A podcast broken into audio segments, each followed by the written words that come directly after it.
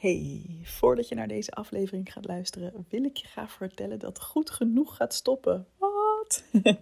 Het online programma voor perfectionisten gaat zijn allerlaatste ronde in. Dus als je zin hebt om mee te doen, dan kan het nog. De laatste ronde start op 20 juni en je kunt je aanmelden via evelienbel.nl slash ja. Dus heb je al een tijd in je hoofd dat je dit een keer wil doen om minder streng voor jezelf te worden, dan is nu het moment. Graag tot ziens en veel plezier met de podcast. Dan kun je natuurlijk echt even helemaal in de zone zitten en dan ineens knal je er in een, in een paar uur of in een dag knal je er echt takken veel werk uit. Dan ineens, dan heb je alles gedaan, alles geregeld. En ik dacht, ja, maar dat kan ik dan toch op dat soort momenten. Waarom kan ik dat niet altijd? En doordat ik dat Hmm. niet altijd kon, dacht ik van, oh, maar dan ben ik dus eigenlijk heel lui op die andere dagen. Welkom bij de Perfectionisme Podcast. Mijn naam is Evelien Bijl en als ex-perfectionist help ik je graag op weg naar een relaxter en gelukkiger leven door minder streng voor jezelf te zijn. Mijn motto voor jou als je vaak gestrest of onzeker bent: hey, je bent niet gek en je bent niet alleen. Veel luisterplezier.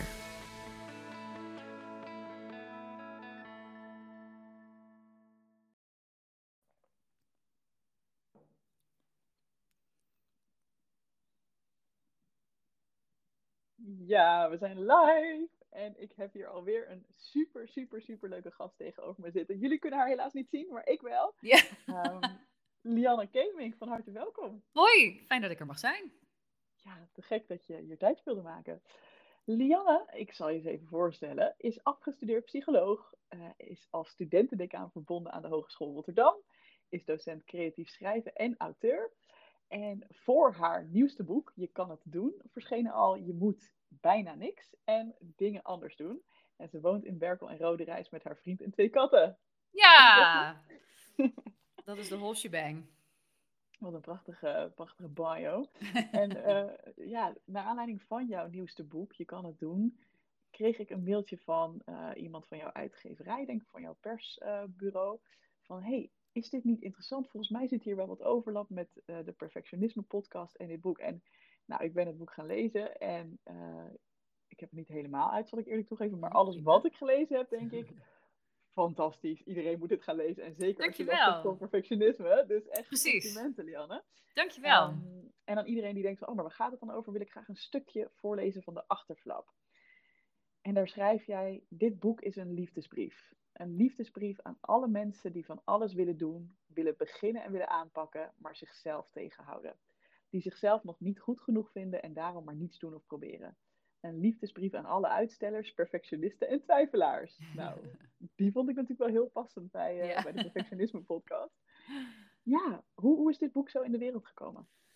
Ehm, nou, ik, eh, ehm, nadat ik dingen anders doen had geschreven, toen kwam dus eigenlijk het onlogische vervolg op dingen anders doen. Namelijk dingen doen, heel erg in mij op. Van nou, wat, ehm, ja, hoe lukt het mensen nou om, ja, weet je wel, alle ideeën die je in je hoofd hebt. En dan, dan heb ik het echt over van, oh, ik moet dit nog even doen voor mijn werk. Tot, oh, ik wil mijn vader bloemen brengen. Tot, oh, ik heb een leuk eh, idee voor een eh, poëziebundel, eh, ga ik eens proberen. Gewoon echt alles, dat we dat allemaal wel ergens in ons hoofd hebben rondzingen, maar dat dat eigenlijk niet echt soort van tot uiting komt omdat we dan, nou, we hebben geen tijd, we, we vinden dat we nog niet goed genoeg zijn, we mogen het pas laten zien als het zo en zo goed is. Ehm, je hebt andere dingen te doen, je hebt veel in je hoofd. En ehm, ik vind het gewoon heel erg zonde omdat zo gaat er heel veel tijd voorbij. En eh, eh, zonder dat je misschien de dingen doet waar je zelf ook heel blij van wordt, waar je anderen heel blij van kan maken. Nou, en toen ben ik dus, eh, ja, toen ben ik daar dus over gaan schrijven. En naarmate ik meer schreef erover, kwam ik erachter van ja, het gaat niet alleen maar over hè, echt het, het- de actie en het praktisch aanpakken en dat soort dingen. Dat is een belangrijk onderdeel, maar er zit ook nog een heel stuk daarvoor. Ehm, en nou ja, zo is eigenlijk ook de titel van het boek dus ook ontstaan. Van nou ja, het eerste stukje, je kan het. Ja, daar moet, je, daar moet je ook echt nog best wel soms een paar stappen voor zetten. En wat in oefenen, ontwikkelen, trainen. Ehm, en dan daarna dan kun je het dus gaan doen.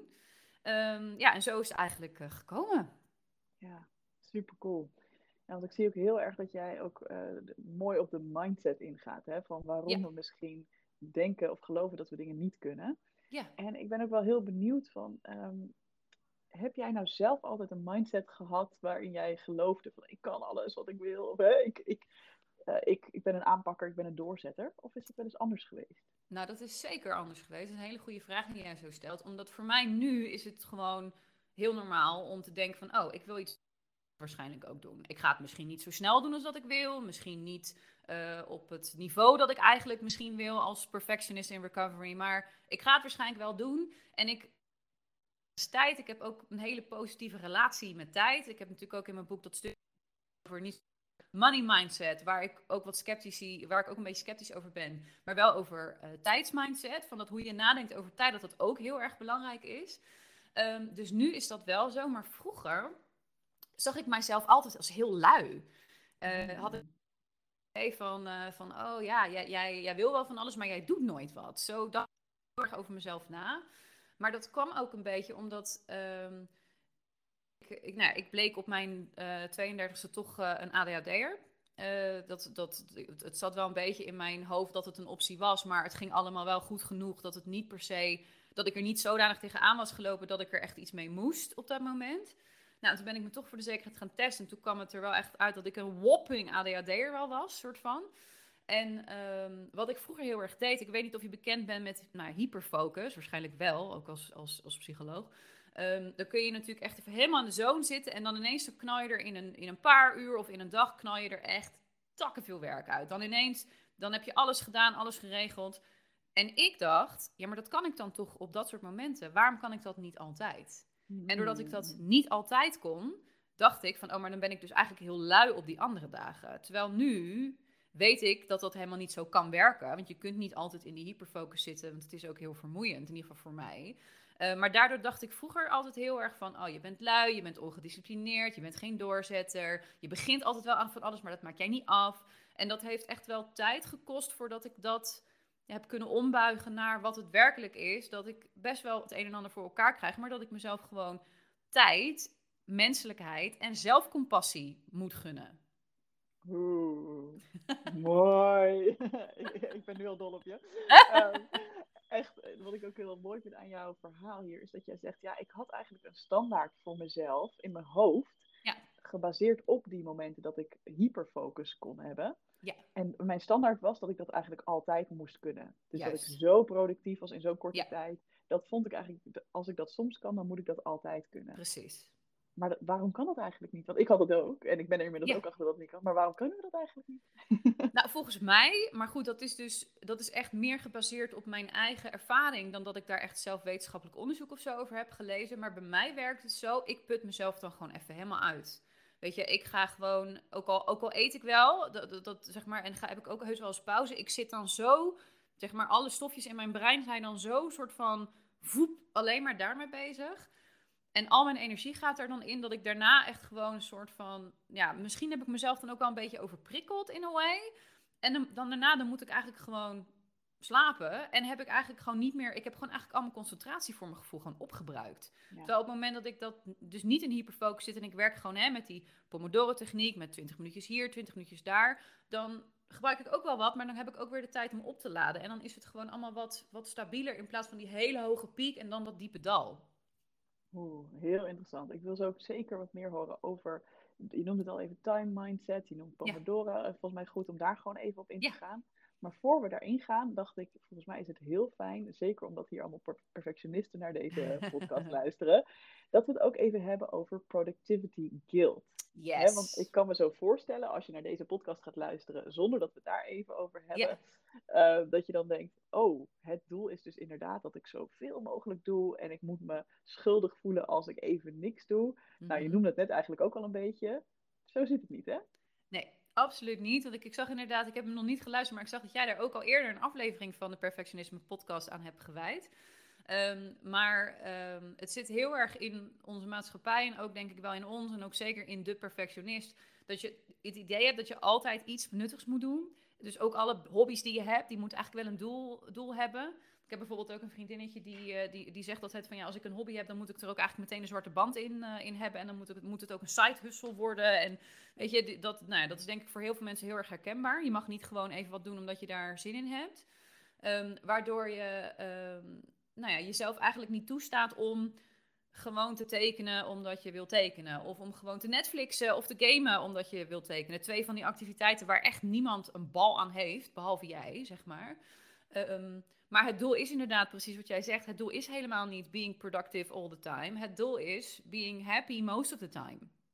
Ja. En dat kan door productief te zijn en jezelf ook met inderdaad al je menselijkheid, je biologie, je behoefte aan ontspanning, aan recreatie, om dat ook allemaal toe te staan. Ja, en dat vind ik heel fijn dat je dat zegt. En dat is ook precies wat er door jouw hele boek heen straalt. Is dat, uh, want het zou kunnen als je denkt, je kan het doen. En dan, dan kan het zijn dat je denkt, oh, weer een boek over hoe ik nou het zoveel mogelijk gepropt ja. krijg in een zo kort mogelijke tijd. En dat dat het enige doel is. Maar je zegt het nu ook heel mooi. Het doel is niet zoveel mogelijk doen. Het doel is zo gelukkig mogelijk zijn. En daarbij hoort inderdaad dat je dus bepaalde dingen doet waar je misschien al heel lang zorgen om maakt, of waar je misschien al heel lang wil, maar ook juist lekker kan ontspannen en, uh, en af en toe heel erg niet nuttig kan zijn. Precies, zeker. Heerlijk, heerlijk. nou, fijn om die alvast uit de weg te hebben. En um, mocht ik hem zo terugvoelen komen, want ik, ik heb een beetje een soort van, um, um, hoe noem je dat, een sixth sense ontwikkeld Mm. voor de momenten in de podcast dat misschien perfectionisten kunnen denken. Ja, oh, dus dat betekent dat ik altijd. Nou, dan zal Ja. ik erop terugkomen. Ja, maar helemaal goed. we duiken nu gewoon lekker in de eh, productivity mindset. Dus als je het hebt over time mindset, wat bedoel je daar dan precies mee? Nou, daar, met time mindset bedoel ik ehm, de manier waarover je op tijd nadenkt. Ik heb ondertussen een poezenstaart in mijn gezicht. Ik kat Beyoncé, mijn kat Beyoncé komt gezellig ook even buurten. Want stel je voor dat er iemand praat en het gaat even niet over mij. Dat kan natuurlijk niet. Dus ene Ehm, kat heet Beyoncé en hoe heet je ja. andere kat? Die heet Kira. Kira is de kat van mijn vriend. Die had hij al toen Oh. ik een relatie met hem kreeg. En ik was dus nooit een kattenmens. Maar toen heeft Kira mij helemaal bewitched. En toen heb ik uiteindelijk voor mijn dertigste heb ik Beyoncé gekregen eh, van Vincent. Dus een, eh, het was een asielkitten. En eh, nu, is ze de, nu is ze de diva bij mij thuis. wat leuk. Nou, misschien gaat het mij ook overkomen, want ik ben een hondenmens. Oh, maar ik zie heerlijk. het al helemaal gebeuren dat ik een nieuwe liefde krijg die ook Ja. een kat heeft. En Nou, dan gaat ik- het mis. Echt, het kan, het kan echt allemaal. Want ik was echt niet per se een hele heftige... Ik vind dieren wel leuk, maar ik heb ooit... We hebben vroeger alleen maar een konijntje gehad of zo, weet je wel. Ehm, maar eh, nee hoor, ik ben vol, cat, vol crazy cat lady gegaan. Heerlijk. Ja. Ja. Zo kun je maar zien, je kunt jezelf altijd weer opnieuw uitvinden. Precies, dat zo blijkt. terzijde. ja, precies. Ehm, maar goed, tijdsmindset of, of eh, eh, time mindset, dat is voor mij eigenlijk alle ideeën en overtuigingen die je hebt over tijd, hoe jij je over tijd voelt en hoe je over het algemeen genomen over tijd denkt. En dat heeft natuurlijk een effect op hoe, hoe stressvol jij tijd vindt en hoe makkelijk je met tijd omgaat of, of zo. Ehm, en eh, ik ben er eigenlijk een beetje opgekomen door het boek The Time Paradox te lezen en het boek 168 Hours. Eh, de Time Paradox is door twee psychologen geschreven. En eh 168 Hours is door een New Yorkse journaliste geschreven. En ehm, ik ben door die twee boeken zelf heel erg gaan nadenken van... Goh, maar hoe kijk ik eigenlijk naar tijd? En wat doet dat met mij? En wat doet dat met de manier waarop ik omga met tijd? Nou ja, en toen kwam ik er eigenlijk achter dat ehm, heel veel mensen denken alleen maar... er is niet genoeg tijd. Mhm. Er is nooit genoeg tijd. Dat is, dat is zeg maar de mantra die heel veel mensen hebben. En dat snap ik ook heel goed, want we willen ontzettend veel doen. Er moet heel veel gebeuren. En het is een hele logische overtuiging die soort van ontstaat. Maar mede door 168 Hours, maar ook zeker door eh, de Time Paradox, er is best wel heel veel tijd. Er is best wel heel veel tijd. Zeg maar, als ik kijk naar, nu ik daar dus anders over nadenk, dat het lukt me eigenlijk altijd wel om te doen wat ik moet doen in de tijd die ik heb. En niet alleen dat, er is ook gewoon zat tijd om gewoon hier 300 uur Horizon Zero Dawn te spelen. En er is tijd om spontaan te gaan eten met iemand. En er is tijd om iemand te gaan helpen randomly die dat nodig heeft. Ehm, het is ook maar, ja, natuurlijk, het is heus niet zo zwart-wit. Maar hoe je naar tijd kijkt en hoe je ermee omgaat, dat, dat maakt ook dat die tijd zich soort van aan je openbaart op een bepaalde manier. Wauw, dus is het ook zo dat als je maar blijft genoeg, hard genoeg blijft roepen dat het druk is, dat je geen tijd hebt, dat dat ook maakt dat je minder ervaart dat er tijd is? Dat denk ik wel. Kijk, ik begrijp, ook, begrijp ik ook echt heel goed, want het voelt heel druk. Weet je, het voelt druk in je hoofd. En zeker als je bijvoorbeeld niet echt het overzicht hebt en eh, veel verschillende balletjes in de lucht moet houden, dan begrijp ik heel goed dat als iemand zegt van hoe gaat het, dat je dan zegt druk. Of eh, ja, ik heb het wel heel druk. Want je kan het gevoel hebben dat, dat je zoveel moet doen dat het niet gaat passen in die tijd. Alleen, in mijn ervaring, past het dus wel in die tijd.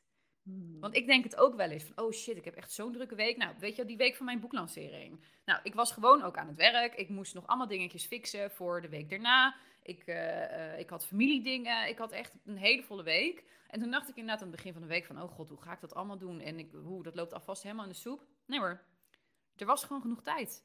Als je die Hmm. tijd inzet, dan is er gewoon nog genoeg tijd. En wat helpt daar dan bij? Want ik kan me voorstellen dat ehm, mensen die nu bijvoorbeeld, hè, zeker als je bijvoorbeeld heel Mm. perfectionistisch bent, ja, dan, Ja. dan kan het ook echt voelen van wow, het is zo overwhelming, er is zoveel Ja, te doen. En ik denk dat onze boodschap van ons beiden niet is, eh, joh, je stelt je gewoon aan, het kan wel. Nee, zeker niet. Nee, absoluut niet. Nee, nee wat, wat mij daarin heel erg heeft geholpen is ik, ehm, ik. Het helpt mij als perfectionist in recovery om niet te denken aan hoe goed het moet zijn of dat het per se op dit moment af moet. Het helpt mij om te denken, ik ga er nu tijd in stoppen.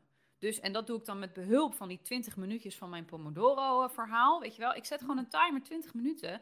Ik kan superveel doen in 20 minuten. En het is dan nog misschien niet af, maar ik ben wel weer verder. En door die kleine stapjes te zetten in de progressie in die 20 minuten. Door gewoon te denken van nou, ik ga er nu wat tijd in stoppen en dan komen we altijd wel wat verder.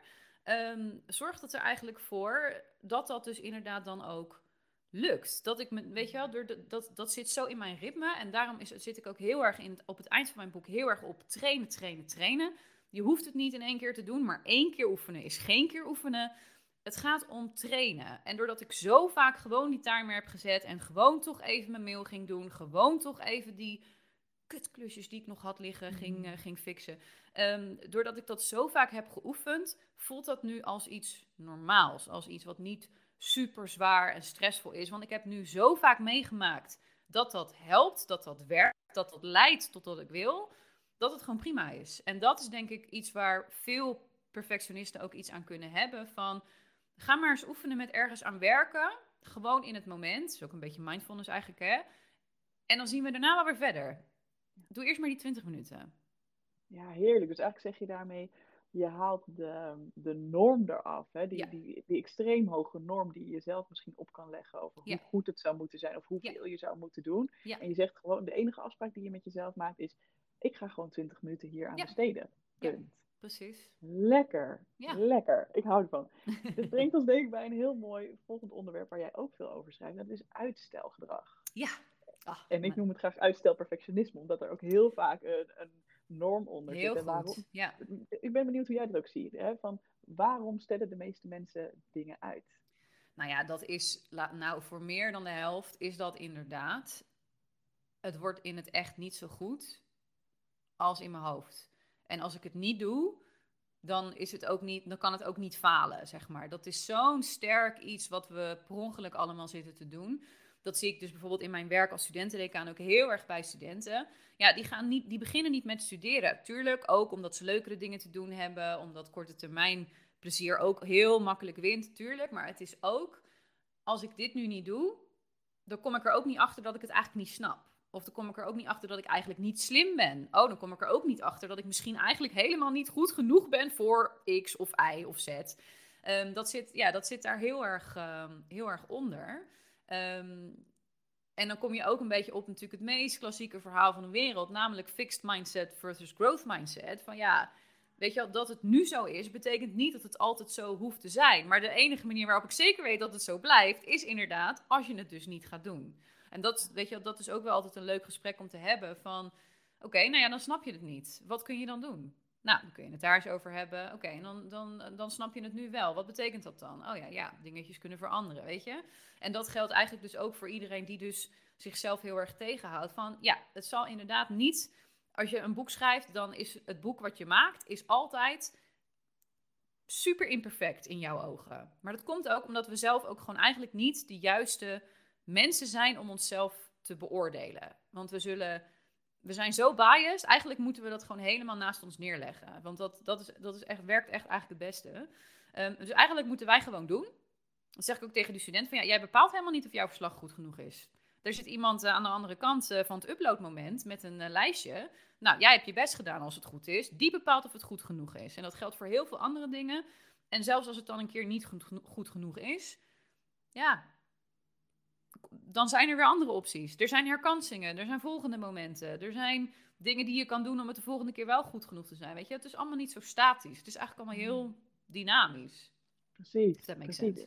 Ja, zeker. Dus in plaats van, oh, ik, ik ben heel bang dat het niet goed genoeg is, dus ik begin maar niet. Want dan komt er een oordeel en dan is mijn leven voorbij. Mm In plaats van, daarvan zeg je, ja, nee, uh, je hoeft niet al hè, jouw eigen superhoge standaarden aan te houden en te denken dat je daarmee het helemaal, uh, helemaal perfect moet doen. Ga het maar proberen, kijk maar wat er terugkomt en dan kan je het weer gaan aanpassen. Dan kan je het ja. een keer de, weer iets meer over leren. Precies. Mooi. En als het dan gaat over uitstellen, volgens mij heb jij daar een hele, heel stappenplan voor. Ja. Kun je er kort iets over vertellen? En, mensen moeten natuurlijk gewoon lekker je boek lezen. Maar wat is nou in de kern eigenlijk, in de kern de beste tip om de beste tips of de beste stappen om uh, als jij iemand bent die merkt, oh, ik blijf maar dingen uitstellen, mm. om dat tegen te gaan? Ja, nou, de belangrijkste eerste stap, die ik ook altijd tegen mijn studenten vertel, is: het, we gaan niet van wel uitstellen naar niet uitstellen. That is humanly impossible, so that's not the goal. Het doel is van veel uitstellen naar wat minder uitstellen. Van meer uitstellen naar minder. Um, en de manier waarop je dat doet, dat kan dus inderdaad met mini kleine stapjes, met die timers, met die 20 minuutjes hier, 20 minuutjes daar. Um, door het op die manier eigenlijk gewoon te oefenen. Het enige wat je moet doen is de tijd die je misschien hè, drie dagen voor de deadline als een gek ergens in zou steken. Je moet eigenlijk elke keer zo een uurtje ervan afplukken en naar voren trekken. Uurtje eraf. En dan, dan, dan lijkt het misschien weinig, maar als je dat vaak genoeg doet, dan is dat tegen die tijd voor jouw future you zo fijn dat hij niet alles meer hoeft te doen. En dat gaat ook uiteindelijk wel naar meer smaken. Dus het gaat echt om het, het van meer naar minder en het ja, echt in de kleine stapjes ook wennen aan werk wat je zou kunnen uitstellen om dat gewoon nu eens te doen. Gewoon om eens te mm. kijken hoe dat is. Ja, ja en, en ik hoor dus nu de perfectionisten in mijn hoofd. Hè, die, die ja, ja, ja. ja, ja, ja, maar ik weet het natuurlijk al. Hè, mensen zeggen dat al vaker en ik moet gewoon kleine mm. stapjes. Maar ik doe het alsnog niet. Ik doe het alsnog niet. Ja. Dat jij dat nou ja. studenten die wij Tuurlijk. Want iedereen weet het wel. Iedereen weet het. Alleen, hoe ga je nou van het weten ook echt naar het, ja, het doorvoelen of zo? En dan ook inderdaad de actie ondernemen. Nou, door eerst die actie te ondernemen. Dus door toch het jezelf zo makkelijk te maken dat je het doet. En dan voel je wat het doet. En als je dat vaak genoeg doet, dan gaat er volgens mij iets gebeuren. Dus ik vertel mijn studenten gewoon echt heel simpel. Van nou, als je het echt, echt wil aanpakken, ga maar eens gewoon de aankomende twee weken. Zet een timer voor 10 minuten op een normaal moment. Dus niet om 7 uur s ochtends wakker worden als je dat nooit doet. Niet om uh, niet allemaal gekke capriolen uit gaan halen. Gewoon op een moment in je ochtend, het liefst wel in je ochtend, want dan weet ik, dan is er de minste kans dat er smiddags iets gebeurt waardoor je het uiteindelijk niet meer doet. Zet maar een timer, ga maar zitten, vijf minuten. Echt serieus, vijf minuten beginnen. Ga maar trainen met het beginnen. En als je dat eenmaal een beetje kan, want dat heb ik echt ook zo ervaren door die Pomodoro-techniek. Als je eenmaal leert van, oh, ik kan beginnen ook al heb ik geen zin. Ik kan, kan beginnen ook al vind ik het eng. Ik kan beginnen ook al heb ik niet mijn favoriete pen en mijn favoriete notitieblok hoe vaker je dat ervaart, hoe makkelijker het wordt. En mm. dat is waar het op een gegeven moment echt gaat veranderen. Ja. En we noemen hem al een paar keer, hè, de Pomodoro-techniek. Voor iedereen die hem niet kent, oh, is dat letterlijk uh, die timer van 20 minuten zetten of is daar nog meer aan de hand? Nou, goede vraag. Het is een hele methode van Francis Cirillo. Dat is, eh, volgens mij is het, het is een Amerikaan, maar die, volgens mij Italiaanse roots of zo. Ik weet niet meer precies hoe dat nou zit. Maar hij heeft daar ooit een keer een boekje over geschreven. En sindsdien is dat een van de tijdsmanagement technieken die, ja, die, die je kunt aanhangen. Het, uh, de klassieke methode is 25 minuten onafgebroken werken en dan 5 minuten pauze. Je mag eigenlijk ook niet afgeleid raken. Dan moet je een, een, een streepje zetten uh, en uh, nou ja, je kan allemaal uh, extra spelregels erbij doen of juist eraf halen. maar voor mij werkt het inderdaad gewoon in, hè, het is eigenlijk gewoon time chunking. 20 minuten is voor mij de ultieme ideale aandachtsboog situatie. en dan heb ik daarna steeds 5 minuutjes pauze. En uiteindelijk, als ik dat een paar keer gedaan heb, dan hou ik een langere pauze. En waar, waarom het heel erg goed werkt, is omdat je leert dus beginnen. Um, want je weet ook van, nou, ik hoef niet meteen de hele dag te studeren. Nee, we gaan werken in kleine stukjes. Ik hoef nu alleen maar die 20 minuten en daarna zien we wel weer verder. Um, dus dat helpt je. En het zorgt er dus ook voor dat je niet heel je brein in twee uur onafgebroken studeren helemaal opmaakt. Het zorgt er ook voor dat je tussendoor korte termijn genot hebt, even pauze, je brein kan weer oplaten, waardoor je het ook weer makkelijker blijft vinden om nog weer even een stukje verder te werken.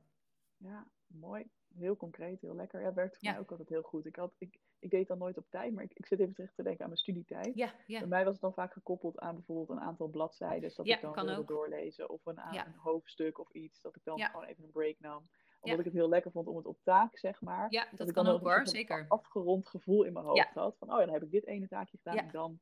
Weet je wel? Maar ja, het is heel dat heb ik op die manier heb ik dat ook wel eens gedaan door Evelien. Ik heb dat bijvoorbeeld met het editen van mijn boeken. Dat doe ik altijd op hoofdstuk of op aantal bladzijden. En dan, dan, weet je, dan heb je de ene keer heb je een soort van een meevaller. Uh, doordat het dan sneller gaat dan dat je denkt. En dan heb je pauze. En de andere keer duurt het misschien weer wat langer. Dat, maar dat varieert dan een beetje. Maar dat op een taak kan het ook. Uh, en het kan zeker goed op taken als je al wel een beetje hebt geleerd hoe lang je daar ongeveer over doet, zeg maar. Zodat je niet helemaal een soort van super uh, ja, ernaast zit van hoeveel uur of, of, minuten je daar dan aan zit. Want dat is dan wel weer vermoeiend. Maar als je dat een beetje op die manier goed kan inschatten, is dat ook een hele waardevolle andere optie. Ja, lekker. Hey, en dit gaat natuurlijk heel erg over de time management technieken. Dus echt heel praktisch van, nou oké, zo kun je het voor jezelf kleiner maken. Maar jij hebt het natuurlijk ook over, en dat noemde je net ook het woord zelfcompassie. En met wat voor houding je eigenlijk misschien wel uh, begint. Hè? Kun je daar ook iets over vertellen? Dus stel, je bent inderdaad, je noemt jezelf een klassieke uitsteller. Mhm. en, uh, en jij denkt nu van, nou ja, inderdaad, oké, dat, dat gaan oefenen met beginnen, dat wil ik zeker doen. Hè? Elke dag vijf minuutjes aan iets beginnen. En dan zie ik wel waar het schip strandt verder. Wat voor houdingstips zou jij misschien wel mee kunnen geven? Ja, ik denk dat we allemaal veel milder voor onszelf moeten zijn. We, zijn, we, we willen onze menselijkheid het liefst bij de deur achterlaten als we aan de slag gaan, maar dat kan gewoon niet. Um, we, moet, we, hebben, we hebben zoveel meer nodig dan, dan alleen maar een, een bureau om inderdaad goed productief ook te, te kunnen zijn. Um, en ja, ik moet heel eerlijk zeggen, als ik ook kijk naar de mensen met wie ik werk en naar de studenten, maar ook naar mijn vrienden en naar mezelf, dan denk ik van bijna iedereen, paar uitzonderingen daar gelaten, maar bijna iedereen gaat lekkerder als ze gewoon ook eigenlijk zichzelf dus de ruimte geven om Ehm, iets niet te doen. Of om te denken hmm. na een uurtje, ja, nee, ik ben nu eigenlijk op, dus ik moet even nu gewoon, of ik wil even nu gewoon iets anders doen. Ehm, en wanneer ze zich het zelf makkelijker maken om productief te zijn, en dat kan dus ook bijvoorbeeld zijn door de, uh, nou ja, door dus inderdaad niet te vragen dat je de hele dag ergens aan zit. kan ook zijn door indeed pleasant surroundings door veel pauzes, door uh, beloningen tussendoor. Werkt supergoed. Love dopamine, top, top, top. Wat voor, wat voor beloningen denk je dan aan bijvoorbeeld? Nou ja, ik uh, ben een zakker voor uh, Tony Chocoloni tussendoor. En vijf minuten van mijn favoriete domme YouTube-filmpjes. En af en toe op de bank met Golden Girls. En in de pauze even een rondje lopen en een croissantje halen of zo. Weet je wel, het echt een beetje dat soort kleine, kleine dingetjes. Iets leuks, iets leuks voor jezelf ja. Ja. ja, want ik denk dat we ons brein daarmee ook... Hè, want in mijn boek noem ik dat natuurlijk de, de innerlijke holbewoner. Ik denk namelijk dat we dat waar je, waar je ja, je innerlijke stukje ook een beetje bang voor is als je, als je aan het werk gaat, dat het alleen maar saai en stom gaat zijn. En dan gaat je brein dus ook rebelleren van ja, nee, maar dat wil ik niet. En buiten en Netflix en uh, vrienden. Uh, Terwijl op het moment dat je dus veel meer laat je brein ook laat ervaren van A, het is lekker want ik kom in een flow. B, het is lekker want het is fijn om een voldaan gevoel te hebben. C, het is lekker want tussendoor krijgen we lekkere koffie en een koekje. Of een uh, hilarisch filmpje van twee katten die achter een hond aanrennen, weet ik veel. Hoe meer je dat ook weer ervaart, des te minder ja, eng is het dan dus voor, dat, uh, voor die innerlijke holbewoner dat je aan het werk gaat. Want dat is ook nu ook wel lekker, weet je wel? Mm, ja, heerlijk. Dus je zegt ook, maak het voor jezelf ook gewoon een beetje leuk en een beetje laagdrempelig. En Precies. beloon jezelf ook wanneer je lekker bezig bent geweest. Ja. Mooi, mooi. Ehm, en uh, ik, vind, ik, weet niet waarom, maar ik vind het heel leuk om even te noemen dat ik het heel erg geniet van jouw um, obsessie met young adult uh, fanfiction. ik vind het altijd heel. Dat, ja, dat is misschien ook wel iets hoe je jezelf kan belonen. Maar ja, wat, wat, is dat toch aan young adult boeken? Dat dat zo schaamteloos heerlijk, heerlijk is om te oh. consumeren. nou, het, het, leest, het leest zo lekker weg. En ook wat ik echt heel, heel erg leuk vind aan het genre, is dat they're doing shit that other people aren't doing. Dus ik lees in Young Adult lees ik over uh, non-binary monsters. In Young Adult lees ik over black mermaids. In Young Adult lees ik over allerlei thema's waar jongvolwassen mensen nu mee te maken hebben. Ja, die ik niet vind in een, uh, ja, in een thriller of in een, uh, in, in een literair werk. Dus het, ik vind het gewoon prikkelender en interessanter. En ja, het zorgt ik hoop altijd als, als meer mensen Young Adult gaan lezen, dat ze dan ook meer empathie krijgen. Ook voor al die jongvolwassenen. En ook al die jongvolwassenen die niet per se in een soort standaard norm vallen, weet je wel. Dus ik, ja, dus ik vind dat echt wel. eh, ehm, ja, het is gewoon zo'n beautiful, beautiful. de- en heel gevarieerd ook binnen het genre natuurlijk. Want binnen Young Adult heb je ook zoveel kanten die je op kan. Dus voor ieder wat wils. Heerlijk, ja, ik, eh, ik vind het ook ik- mooi. Het is niet dat ik daar dat ik altijd een young adult boek lees, maar het is gewoon als je even iets zoekt. Ja. wat Niet te, het is vaak ook niet te moeilijk, het is gewoon heel Precies. toegankelijk. En Heel, wel het is heel goed leesbaar vaak, precies. Ja, het is vaak, het is, er zit vaak toch een leuke seksuele spanning in, vind ik ook gezellig. ja. Hou van. Ja, Ja? Ja, dat is zeker. Gewoon, gewoon fijn. Dat ja. is gewoon eh, de belofte die je toch elke keer weer eh in Ja, will hoor. they, won't they? Oh, Ja. allemaal spanning. Gaan ze nou zoenen of niet? Godverdorie, gaan nou eens tongen. Ja, nee, dat is echt, ja, I love it. Ja. nou, leuk dat even als, als tussendoortje. Ehm, wat ik ook heel mooi vond, ik zit even, ik heb twee dingen hier die Mm. door elkaar lopen in mijn hoofd, maar ja, wat, wat misschien wel mooi is als aansluiting nu is ehm, een quote uit jouw boek. Hm? Er kan zoveel als jij bereid bent om het tempo te accepteren dat zich voor je ontvouwt. En als je kan accepteren dat het altijd een beetje anders loopt dan je dacht. Dat je er meer werk in moet stoppen dan je dacht. Of dat je het op een heel andere manier moet proberen dan je in eerste instantie had uitgekiend. Dus het tempo Hm. en, en dat dingen anders lopen. Ja, Ja, dat sluit misschien ook wel mooi aan bij wat je net zei over hè, dat mensen vaak zo, eh, zo streng zijn voor zichzelf. Of hè, dat mensen vaak zo eh, ja, het wel een beetje moeilijk maken. Ja, en dat ze denken dat als het niet gaat zoals zij in hun hoofd hebben, dat het dan helemaal niet gaat. En dat is natuurlijk helemaal niet zo. We, moeten, ja, we zouden ook wat dat betreft ook wat minder moeten oordelen over.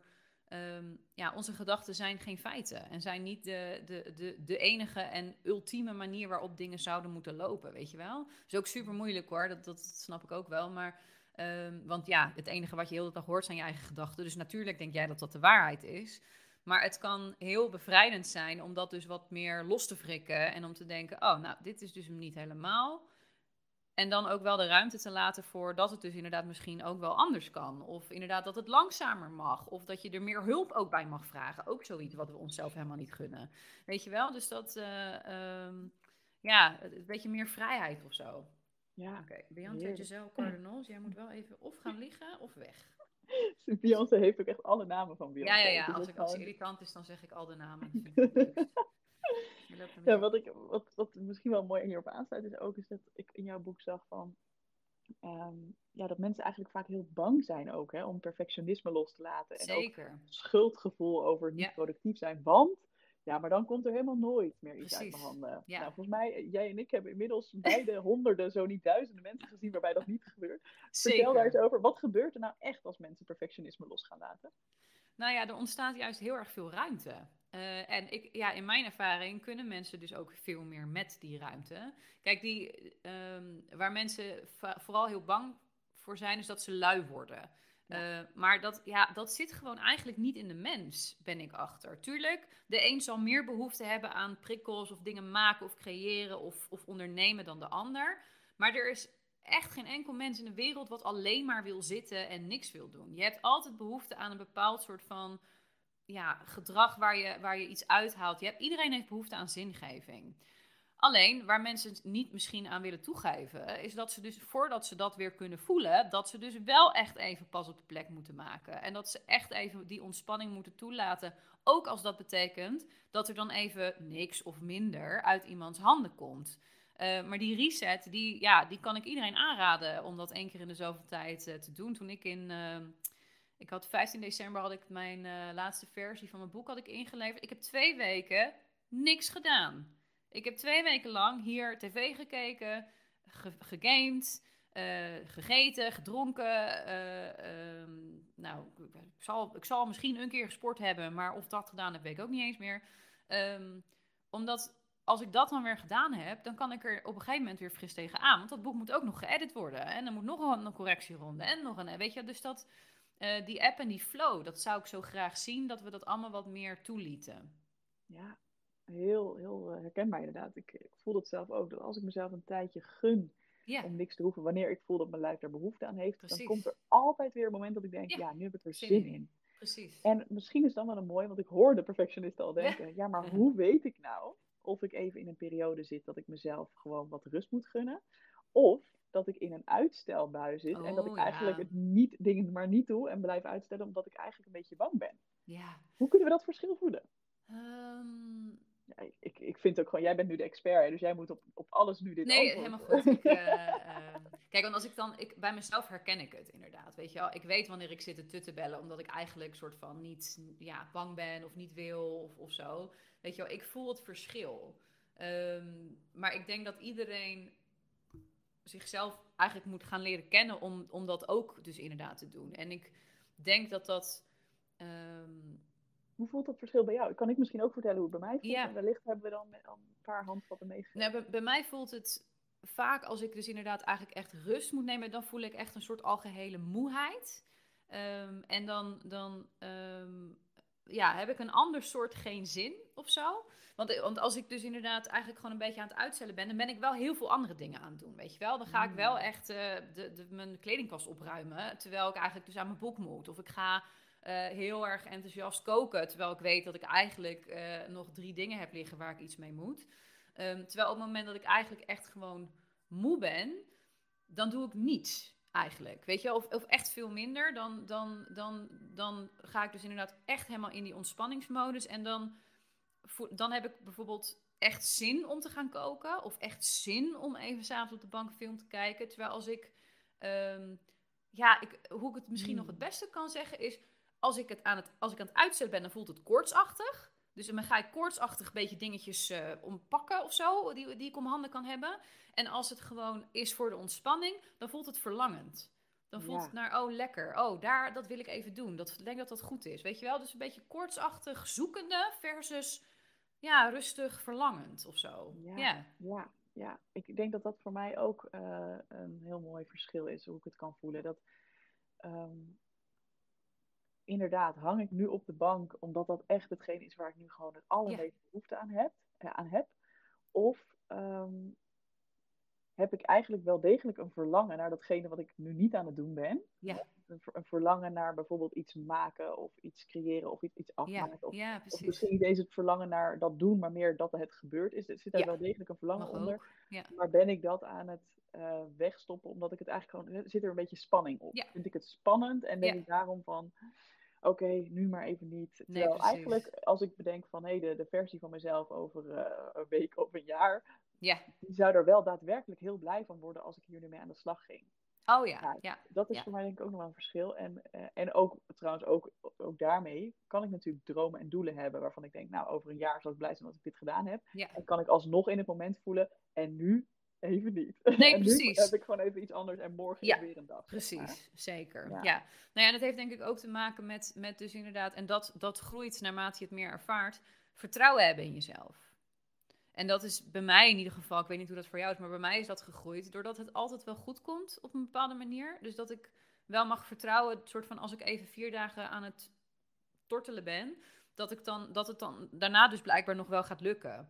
Ehm, en ehm, ja, zeg maar dat ik er- erop mag vertrouwen dat, dat, ja, intu- dat het intuïtieve, dat dat echt wel, dat, het dat, het, dat ik het niet zo zou ervaren als het niet goed zou komen of zo. Mm, ja, mooi.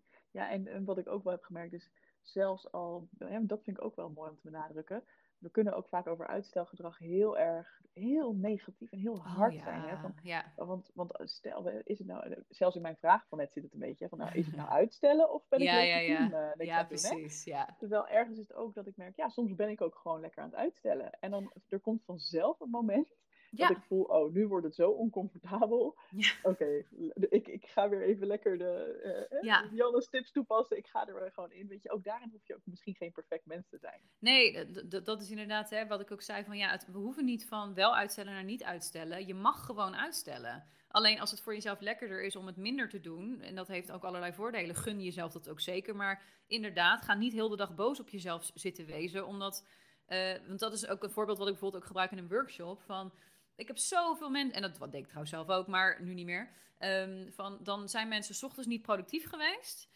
En dan zeggen ze, ja, nou laat maar dan, deze dag is verpest. Ja, en dat hoeft echt niet zo te zijn. Kijk, je mag een hele dag niks doen, absoluut.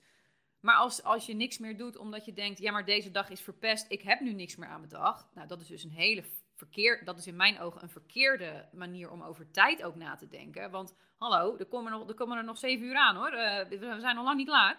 Um, zeg maar, daar, uh, daar gebeurt iets. En op het moment dat je dat dus niet zou doen, dat je gewoon zou denken: ja, ik heb vanochtend blijkbaar moest ik even andere dingen doen. Of oh, ik heb even lekker uitgesteld. Nou, ik ga toch eens kijken of ik even een uurtje even wat kan doen. There's no day wasted. There's no day ruined. Ja, heel mooi. Heel mooi. En volgens mij wat dan de kern ook is, waar we het dan net ook over hebben, mm. is dat je op dat moment ook kan voelen van, oké, ik heb de hele ochtend zitten aanklooien. Oké, prima, het is gebeurd. En wat is dan wat ik, waar ik nu behoefte aan heb? heb ik eigenlijk, is, is dit een teken inderdaad van mijn lichaam? Van, nou, misschien heb jij gewoon even behoefte aan een dagje niks. En dan zet ik hem gewoon lekker door. Maar dan kies ik daar ook bewust voor, zonder, zonder dat ik me schuldig hoef te voelen. Uh, of is het van, nou, ik zou het toch wel lekker vinden om nog even, even die paar dingen te doen. En dan ga ik inderdaad, zet ik misschien even een timertje. Of dan doe ik gewoon even één of twee dingen. En, dan, uh, en voel je je dan eigenlijk lekkerder aan het eind van de dag. Precies, ja. Ja, mooi. Hey, volgens mij uh, super, super veel waarde heb je al gedeeld. Thanks, fijn. Ja, heel gezellig om zo met je te kletsen. Ik vind het ook helemaal leuk. ik, ik word helemaal enthousiast van jou. Stel nou dat mensen denken, nou, ik moet dat boek lezen en ik wil ook meer van deze vrouw te weten komen. Wat kunnen ze dan het beste doen? Nou, dan kunnen ze mij eh, volgen op Instagram en Twitter, op uh, @liannekamink. Ehm, nou ja, en ik denk dat, dat ja, je kan het doen.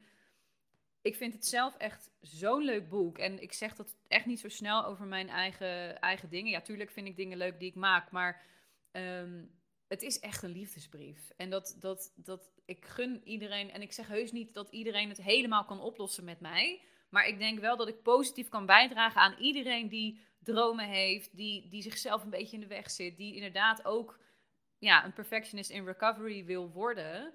Ja, gaan we dat boek lezen. Ik denk dat er echt dingen voor je in zitten die dingen zoveel makkelijker kunnen maken. Dus ja, volg me op Instagram, want daar, nou ja, daar vertel ik ook young adult boekentips uh, voor, voor iedereen. Uh, en uh, ja, ga mijn boek lezen. Superleuk. superleuk. ik, ik, raad het ook iedereen aan. Onwijs bedankt dat je hier was, Lianne. Ja, dankjewel dat ik mocht komen. Oh.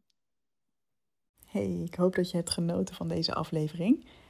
En nog even een reminder dat Goed Genoeg dus binnenkort voor de allerlaatste keer van start gaat. ik heb er heel veel zin in om er een te gekke laatste ronde van te gaan maken. Dus als je zin hebt, meld je dan even aan via evelienbel.nl slash ja. Fijne dag verder!